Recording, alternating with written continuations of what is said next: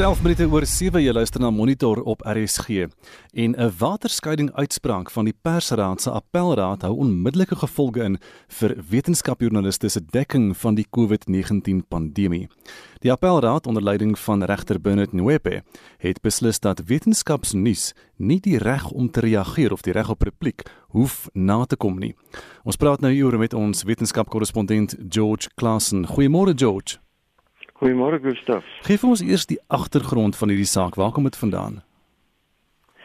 Wel, dit uh, loop al van Maart verlede jaar het die nuuswebwerf Ground Up 'n artikel deur die bekende wetenskapjoernalis Natasha Bolognesi gepubliseer. Nou sy is nie sommer enige hierdie joernalis nie. Sy het al uh, as korrespondent van Nature en talle ander oorsese tydskrifte opgetree. Nou die artikel is duidelik gemerk as 'n wetenskapartikel op Groundup se se webwerf met die titel Quack claims about oxygen treatment are dangerous. En in in die artikel haal sy drie wetenskaplikes aan oor vals aansprake wat sekere maatskappye maak oor die sogenaamde hiperbariese suurstofbehandeling. Nou hierdie hierdie suurstofbehandeling word wel medies wetenskaplik aangewend hoofsaaklik om duikers te help wat uh, borrelsiekte het wat te vinnig uh, uit die diepte van die see gekom het en uh, te vinnig na die oppervlak gekom het en dan word hulle in hierdie suurstoftanke gesit. Hierdie kwaksalwer maatskappye maak ongesubstansieerde aansprake. Jy weet dat dit kanker, outisme en talle ander siektes en toestande kan genees op hulle webwerwe. Uh en dis baie toepaslik nou ook hier met die COVID uh krisis wat ons het, uh, aansprake wat gemaak word. En Grant het een so 'n maatskappy by name genoem. Uh en omvattende aansprake op die maatskappy se op die op die op die webwerf van Grant Up uiteengesit. Uh alle die maatskappy se se aansprake wat hulle maak oor watter siektes hulle alles kan genees, het hulle in die artikel aangehaal. En toe gaan die maatskappy en kla toe by die persombud dat hy nie die reg op repliek gehad het nie. Uh jy weet die artikel 18 van die perskode stel dit baie duidelik dat uh, as iemand uh, as jy krities rapporteer oor iemand, dan moet jy uh die onderwerp van so 'n artikel uh, die reg op repliek gee, uh, die reg om om om om hulle standpunt te gee. die persombudsman het in die guns van Ground daar beslis oor die akkuraatheid van die artikel. Wat was die uh, regter se uitspraak spesifiek? Wat het hy toe nou gesê in sy beslissing? Hierdie hierdie hierdie was die pers ontmoet uh, dit is hmm. Pippa Green. Hmm. Die, die persstelsel werk op twee wyse. Jy die pers ontmoet waar hierdie klagte verhoor word en sy maak toe beslissing maar dan kan jy appeleer na hmm. regter Lopez se se appelraad of appelkomitee en en die die die persombud het het gesê nee maar hulle mag nie die die die, die uh, maatskappy se naam genoem het nie sonder om hulle reg op repliek te gee.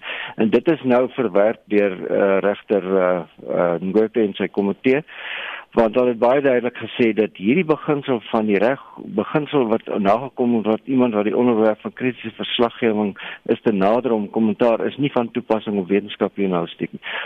Dit wil sê jy hoef nie valse balans te duld wanneer dit kom by wetenskapjournalistiek nie. Hoekom is dit so? Want dan moet jy as die die oomblik jy 'n storie plaas plaas sê maar oor klimaatsverandering. Dan moet jy na al die ontkenners van klimaatsverandering toe gaan en sê okay, nou wat is julle mening hieroor? Of die anti-inentingsveld of kreasionisme of die plataarde aanhangers. En dit is totaal absurd. Wetenskap werk op bewyse. Wat is die be oorweldigende bewyse in die wetenskap gemeenskap uh wat aanvaarbaar is en daarvolgens uh hanteer jy jou die wyse waarop jy storie aanbied. Tot hoe mate is is daardie hulle noem dit false equivalence is dit skadelik vir die inligting wat uitkom na mense toe? Dit is baie skadelik want uh mense dink dat daar byvoorbeeld 'n debat is. Uh hulle sien uh die wetenskaplikes se se se standpunt en dan sien hulle ook die standpunt want as gevolg van hierdie valse balans uh, beginsel uh kom uh, moet ons nou uh die die die onwetenskaplike kwaksalwer uitsprake ook 'n kans gee om hulle standpunt te stel. Dit was juist die argument in hierdie saak.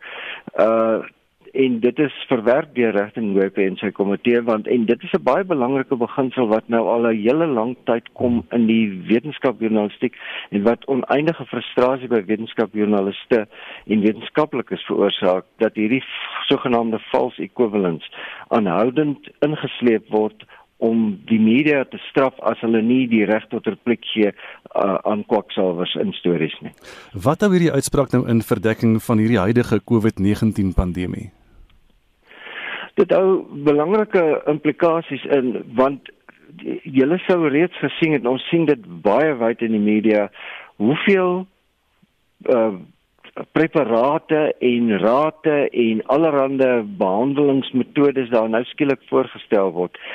Uh chiropraktisyne byvoorbeeld sê deur jou nek te manipuleer en alles kan jy die virus uh teenwerk. Daar's hoomvaart kom met uh allerlei uh, aansprake. Daar is kwaksalvers wat allerlei uh uh dopas op die internet verkoop wat sê dit kan nie die die die virus keer.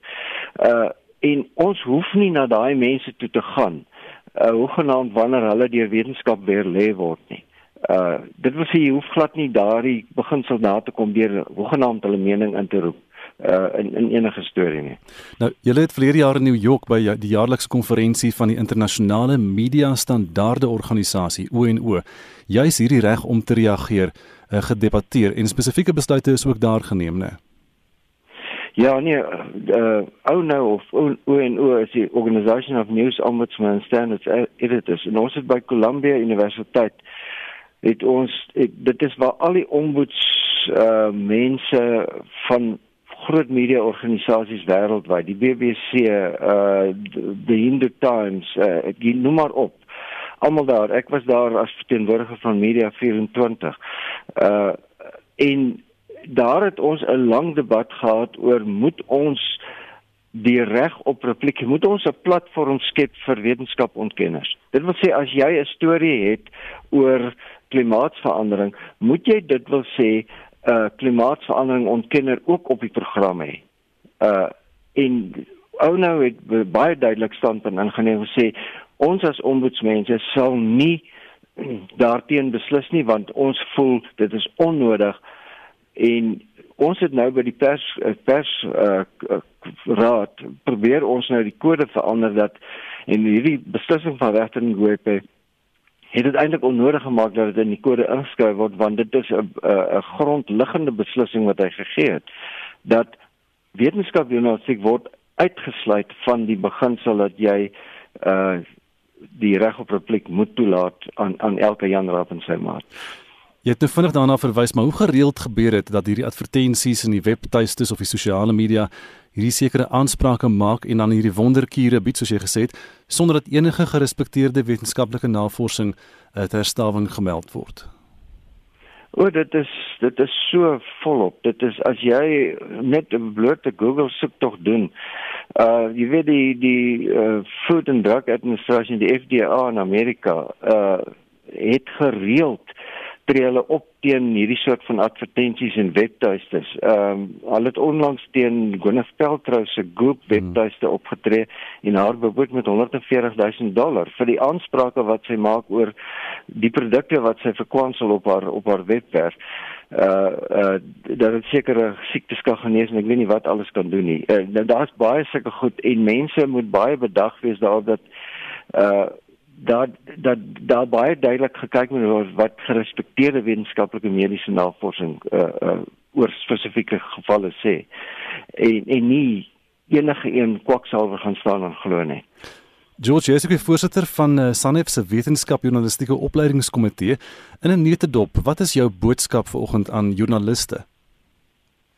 Wel, dis dis deur die eenvoudige wetenskapverslaggewing hoef ons as joernaliste ons nie aan valse balansvereistes bloot te stel nie. Uh, hierdie beslissing is 'n grondliggende media-etiek beslissing, want enige kwaksalwer of pseudowetenskaplike aanspraak hoef nie onderwerp te word aan die reg op repliek meer nie.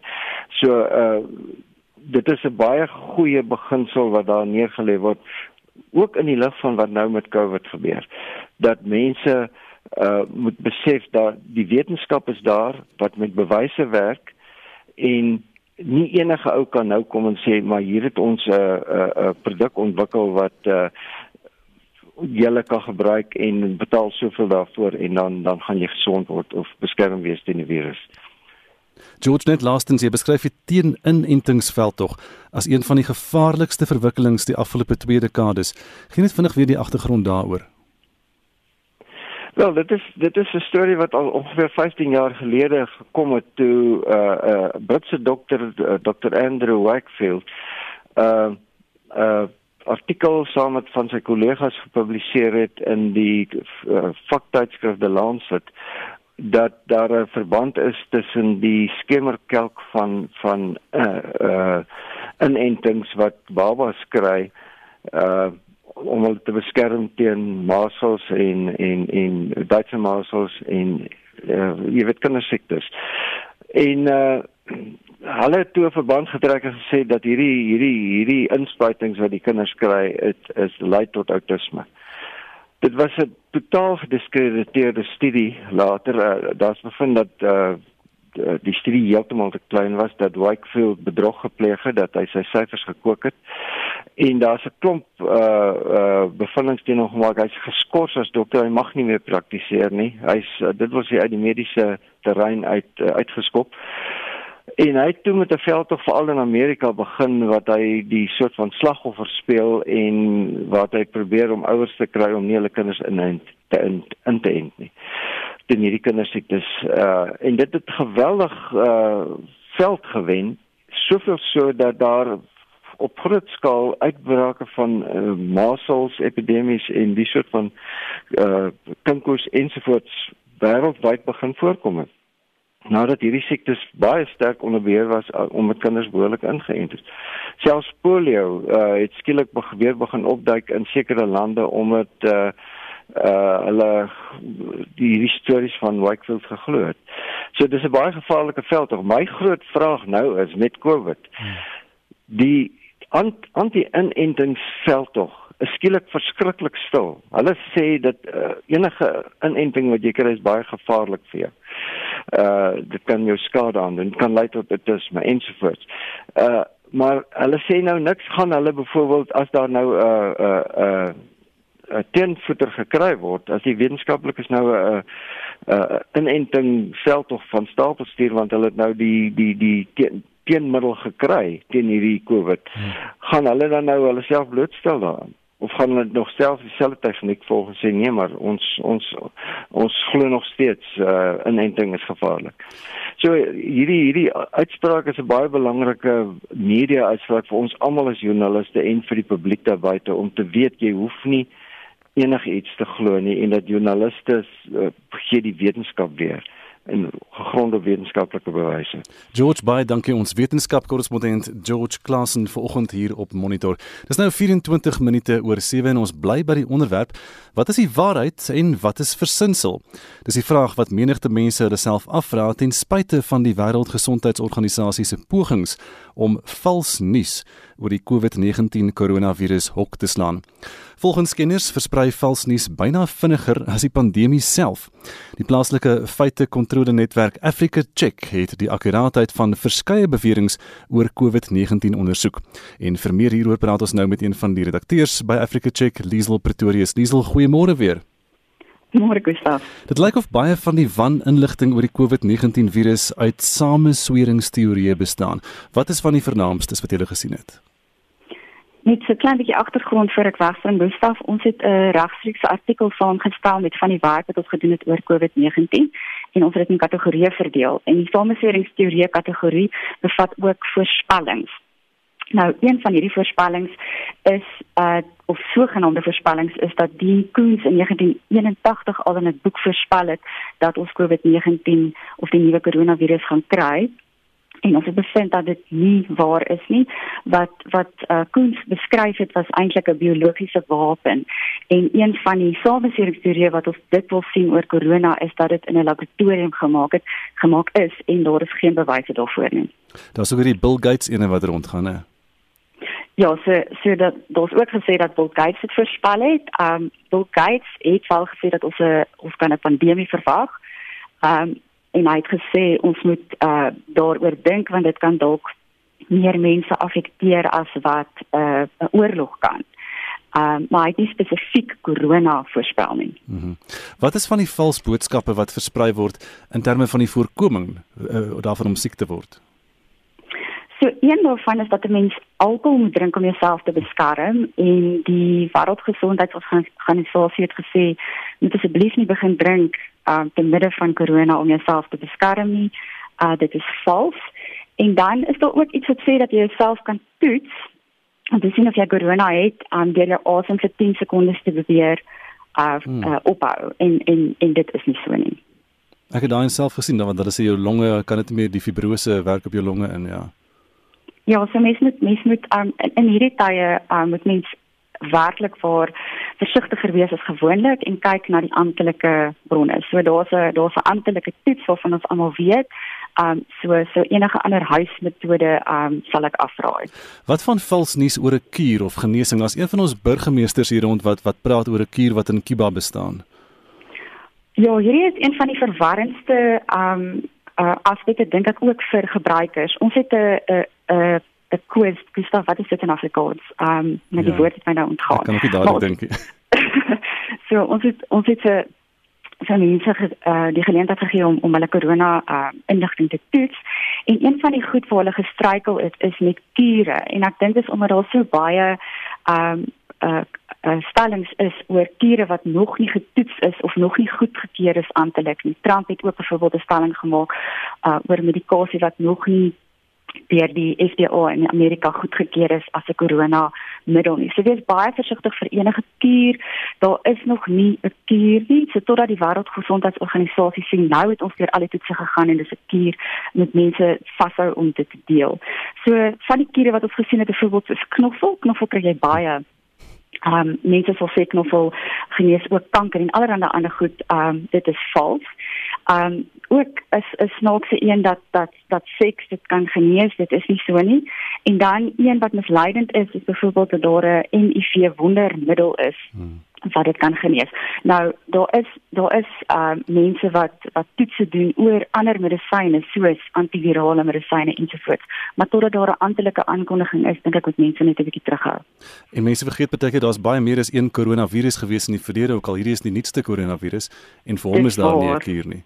Dis 'n belangrike onderskeid. Nou julle navorsing het ook gewys dat Nigerië die slagoffer was van verskeie misinformasieveldtogte.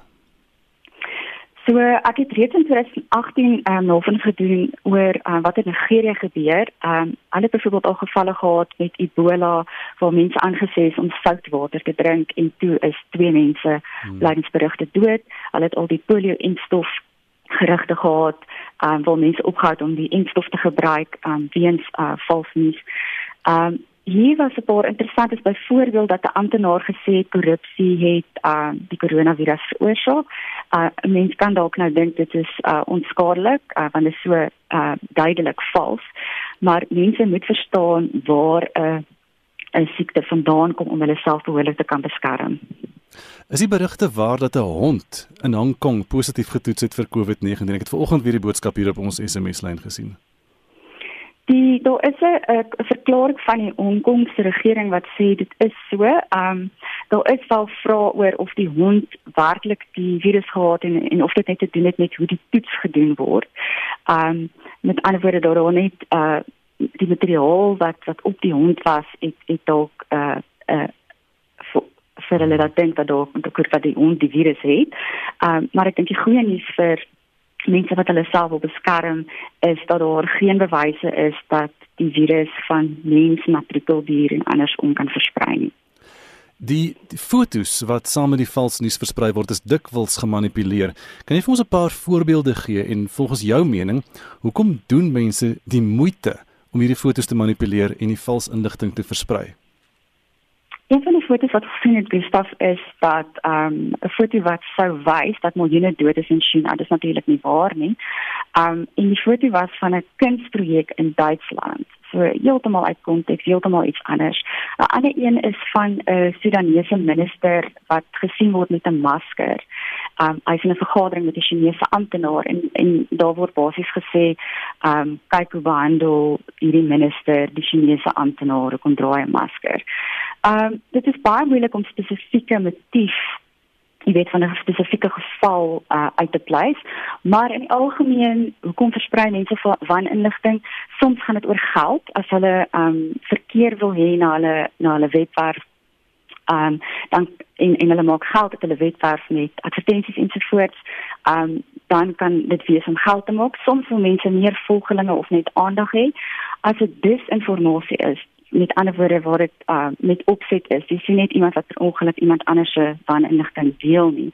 Dan kan dit bijvoorbeeld 'n politieke motief hê om te verdeel. So gestel iemand wil die verhoudinge tussen Sudan en China skade aandoen, dan kan dit dalk 'n manier wees om dit reg te kry. So die hoofstroom media waarvan die SAK natuurlik deel is, se akkurate beriggewing raak nou of net soveel belangriker in hierdie tye in 'n tyd soos in 'n pandemie. Wel, beslis. Um ek dink mense soek nou akkurate inligting um en daar's 'n geweldige um daar's 'n geweldige klomp inligting. Ons het eintlik 'n oorvloed van inligting. Ek vind dit self moeilik om te surf deur alles wat ek lees. Dit voel vir my of ek nie kan byhou nie.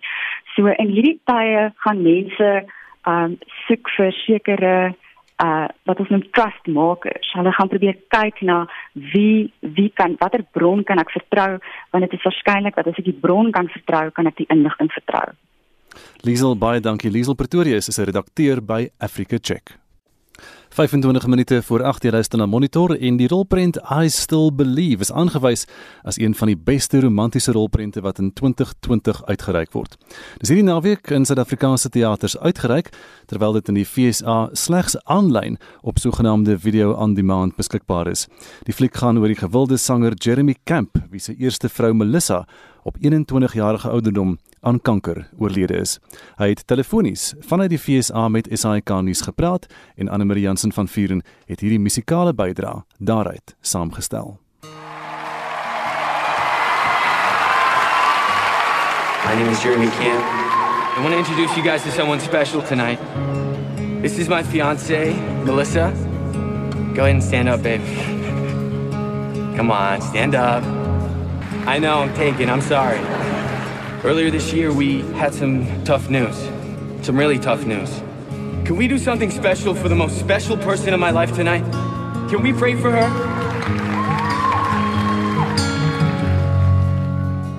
Die gospelsanger Jeremy Camp is op 23 jarige ouderdom met sy jeugliefde Melissa getroud.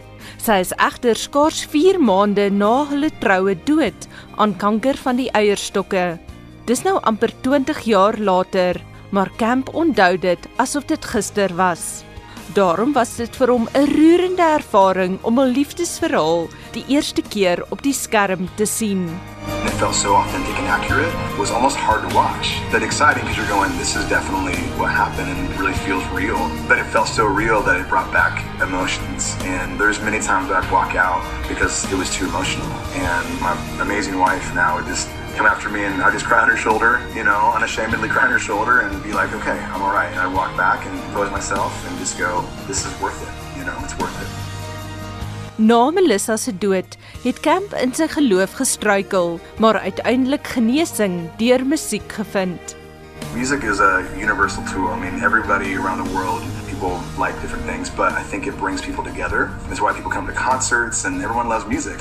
And so for me, if I can write lyrics that bring comfort and hope and share really what God's done in my life, how I'm unashamed in my faith because that's what got me through this.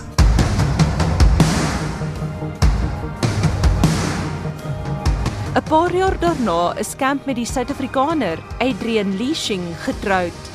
Sy het hom aangemoedig om sy verhaal met die wêreld te deel omdat sy gevoel het dit sal 'n verskil maak in mense se lewens, veral diegene wat ook geliefdes aan kanker verloor het.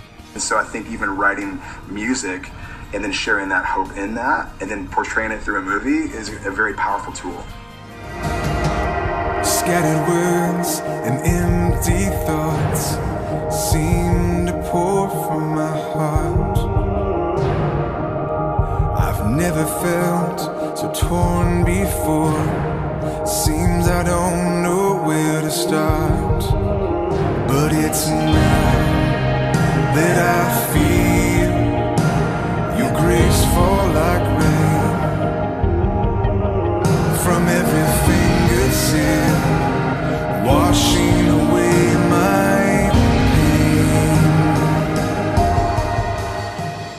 Al het I Still Believe 'n sterk geloofselement, het dit selfs die harte van agnostiese kritici, plaaslik en in Hollywood verower. Camp skryf dit toe aan die rolprent se skryf- en regiespan, die broers John en Andrew Irwin. They're great storytellers, and they didn't want to do the story unless they had an interview. They sat down with me and my wife, and they interviewed both of us because they were like, okay, I want to hear it from your side, I want to hear it from her side. And because they felt like it was real and authentic, they said, we want to do this. And so when they do the film, they believe in it with all their heart. I mean, there's, there was moments where KJ and Britt would do these amazing scenes, and you just see them kind of walk away when the scene was over and be like, be torn up as well because it was so real and their heart was so in it.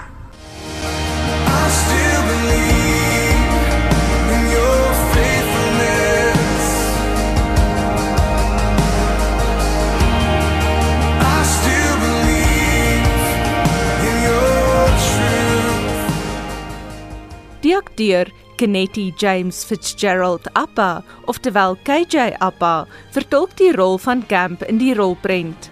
Appa kom oorspronklik uit Nieu-Seeland, maar het roem verwerf vir sy rol as Archie Andrews in die drama-reeks Riverdale. Hy sing ook self verskeie van Camp se liedjies in die rolprent. Dog was Appa eers bang vir die verantwoordelikheid om 'n ware karakter op skerm te speel, tot die dag wat hy vir die eerste keer ontmoet het. So I showed up to set and shot a scene, and then I met him the same day behind the monitors and stuff. And it was one of those feelings of just complete peace and acceptance of, wow, this is, I'm exactly where I need to be right now, playing this character. We already had so much in common with each other. It felt like we'd known each other for years before we'd actually met.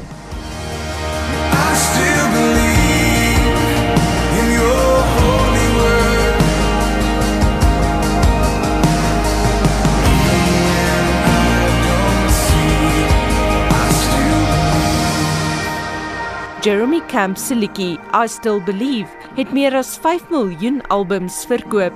Ek is Anne Marie Jansen van Vuren vir SAK nuus.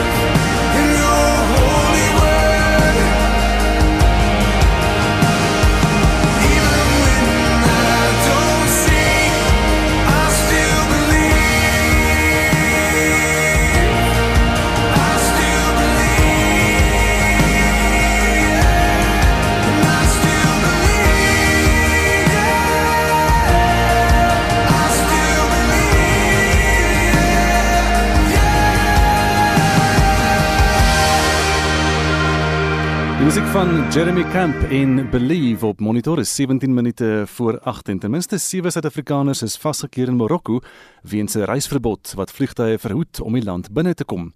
Een van die Suid-Afrikaners, Corinne de Wet, sê hulle sukkel al 'n week om 'n vlug uit die land te kry. Dit is vererger toe 'n algemene noodtoestand Saterdag afgekondig is. Sy het vir Anne-Marie Jansen van Vuren gesê dat sy en haar suster na Marokko toe gereis het vir vakansie voordat COVID-19 tot 'n wêreldwye pandemie verklaar is. Ons sou die 16de uitgevlieg het. Die 15de het daar so 'n onrustigheid onder die groep begin kom. En die 16de sou ek en my sus uitgevlieg het. Ons is toe op hierdie stadium in Marrakesh. En ek kry die nag e-pos en sê Turkish Air se vlug is gekanselleer. Maar dit kan mos nie wees nie. Ons is met die taxi lughawe toe. Toe ons daar kom, is dit chaos op Marrakesh lughawe. Mense staan in toue vir ewig en altyd. Ons gaan toe en ons wil uitvind wat daar is en ons kom by 'n persoon van Turkish Air. Hy sê no flights. Geen simpatie nie. Toe bel ons weer ons reisagent in Bloemfontein en sy soek toe en sy kry weer vir ons vlugte die volgende dag weer met Turkish Air vanaf Casablanca. Ons slaap die nag op die lughawe, so op sulke maatjies. Die volgende dag vroegoggend, dit was hier so 5uur, toe gaan ons om in te boek. Toe sê die man daar sê vir ons, hulle kan ons goed net inboek van Marrakesh tot Casablanca. Die vlugte is gestaak. Dis sê nou maar goed, boek nou maar in. Toe kom ons nou hier so in Casablanca en toe moet ons leer Marokko hulle lugruim basies gesluit het. Absoluut gesluit het. Hulle laat toe van daai stadium af net vlugte toe van Europa aangegoeders leefvlugte wat 'n land se burgers kom haal.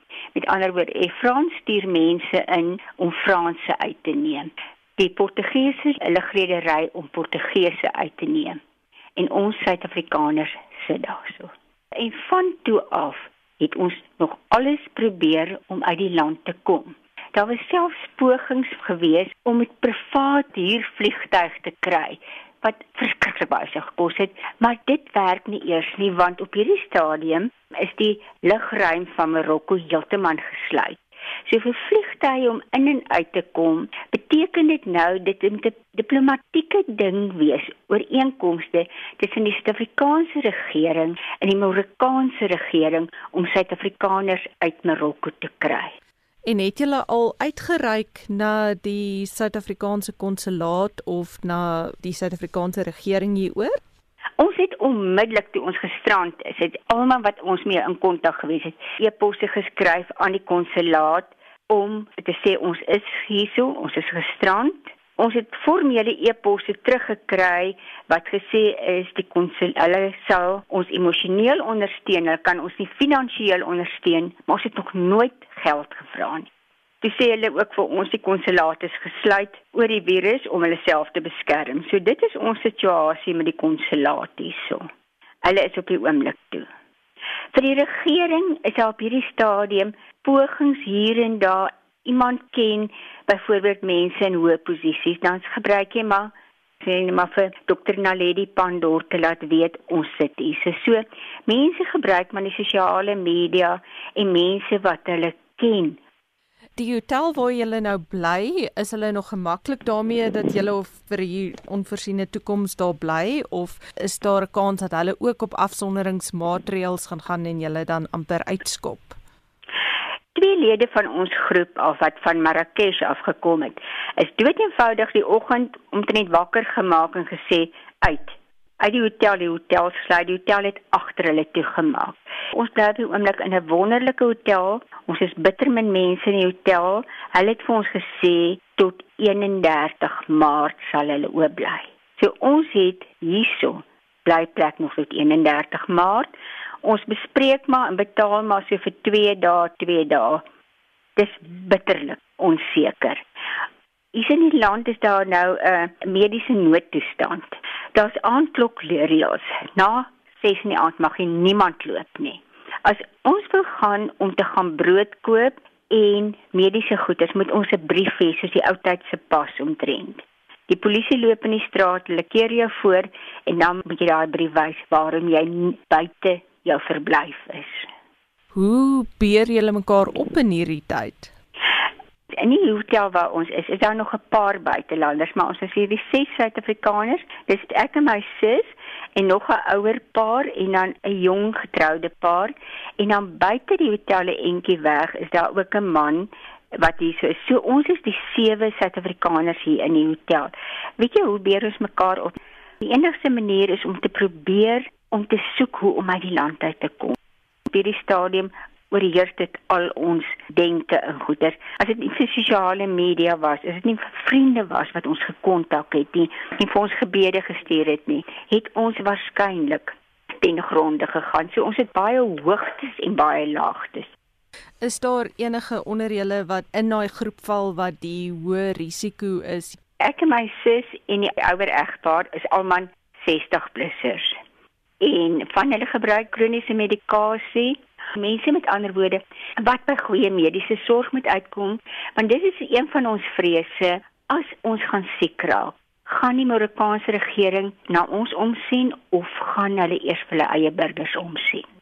Ons verstaan nie die taal nie. Hulle praat Arabies en hulle praat Frans. In die winkels baie keer kom so hulle draai weg van jou af want dis amper 'n gevoel van hulle reken die buitelanders, die toeriste het hierdie siekte in hulle land ingebring. So op hierdie stadium is alle toeriste is nie gewilde mense op die oomblik hier nie. Hulle wil ons hier uit hê, maar ons kan nie uit nie oor die vliegverbod. En die enigste manier wat ons gaan uitkom is as ons regering met die Marokkaanse regering 'n ooreenkoms kan kry, 'n vliegtuig kan stuur of 'n ander alternatief is ek sien in die koerant hulle gaan 'n vliegtuig stuur om mense van skepe in die Franse gebied te kry. As daai vliegtuig byvoorbeeld ons ook kan opplaas. Ek sê ons is omtrent 20 hierso. So dit dit gaan emosioneel sleg met ons. Dit was Corinne de Wet, 'n Suid-Afrikaner wat tans in Marokko gestrand is en sy het met Anne-Marie Jansen van Vuren gepraat. 10 minute voor 8 Anne-Marie is terug en sy het vir ons 'n kort oorsig oor wêreldnuus gebeure.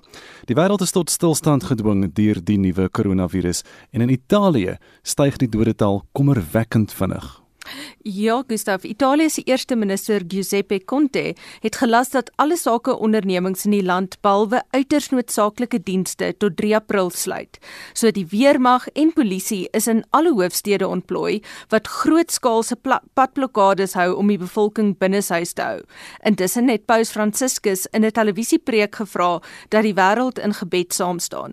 Sy boodskap is ook oor die internet uitgesaai. Nou met geen einde in sig aan die pandemie nie, snel lande mekaar te help. Ja, die Russiese weermag het ingevolge 'n bevel van president Vladimir Putin mediese voorrade na Italië gestuur. Die hulppakket sluit in ontsmettingsvoertuie en mediese spesialiste wat veral in Lombardye in die noorde van Italië ontplooi sal word. Intussen is die Russe self besig om 'n 500-bed hospitaal aan die buitewyke van Moskou te bou. Die hospitaal vir korona-pasiënte sal oor 'n maand gereed wees. Dan het ons gesien dat die hoogste leier van Iran gister Amerikaanse hulp geweier het om die koronavirus te beveg. Hy sê die virus is moontlik deur die FSA of China geskep. So in sy woorde, hoe kan Iran medisyne van Amerika af vertrou?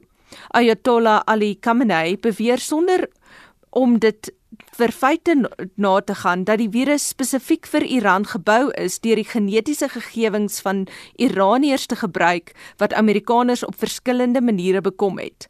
Khamenei se opmerkings is deur kenners as ongegronde samesweringsteorieë afgemaak, maar sy kommentaar kom egter nadat Lian Zhao, woordvoerder van die Chinese regering, vroeër van dese maand getweet het dat die Amerikaanse leer die epidemie na Wuhan gebring het. En Frankryk is al vir 'n 6de dag onder kwarantyne met 'n sterftesyfer wat op minstens 562 staan. Ja, tog het die ikoniese Eiffeltoring geskitter as blyk van dank aan die land se mediese personeel wat onverpoost werk ondanks die besmettingsgevaar. In Spanje het die land se eerste minister, Pedro Sanchez, gewaarsku dat die ergste nog gaan kom. In die land is bewakingseenhede tot oorlopends toe vol terwyl bevestigde gevalle toeneem. En in Brittanje is 'n prototipe van nuwe ventilators ontvang wat moontlik die druk op die hospitale binnekort iewat sal verlig. Sedert alle restaurante, kroë en koffiewinkels die naweek gesluit is, het die regering bekend gemaak dat hy werknemers se salarisse tot 80% sal dek. En hoe staan sake dan in Iran? So buiten dat die uh, die leier Khamenei die hulp van Amerika geweier het, het hulle steeds gister tot 966 nuwe bevestigde COVID-19 gevalle aangemeld, wat die getal van besmettings nader aan 21000 bring met meer as 500 sterftes. Maar CNN het satellietbeelde bekom wat wys dat grafslote oopgesloot word om die dooies te begrawe. En daarom word daar wyd kenners gemeen dat Iran nie eerlik is oor sy besmetting en sterftes nie. Ons sien dat Iran die swaarste getref word in die Midde-Ooste. Anne Marie volgende met 'n oorsig van die wêreldnuus.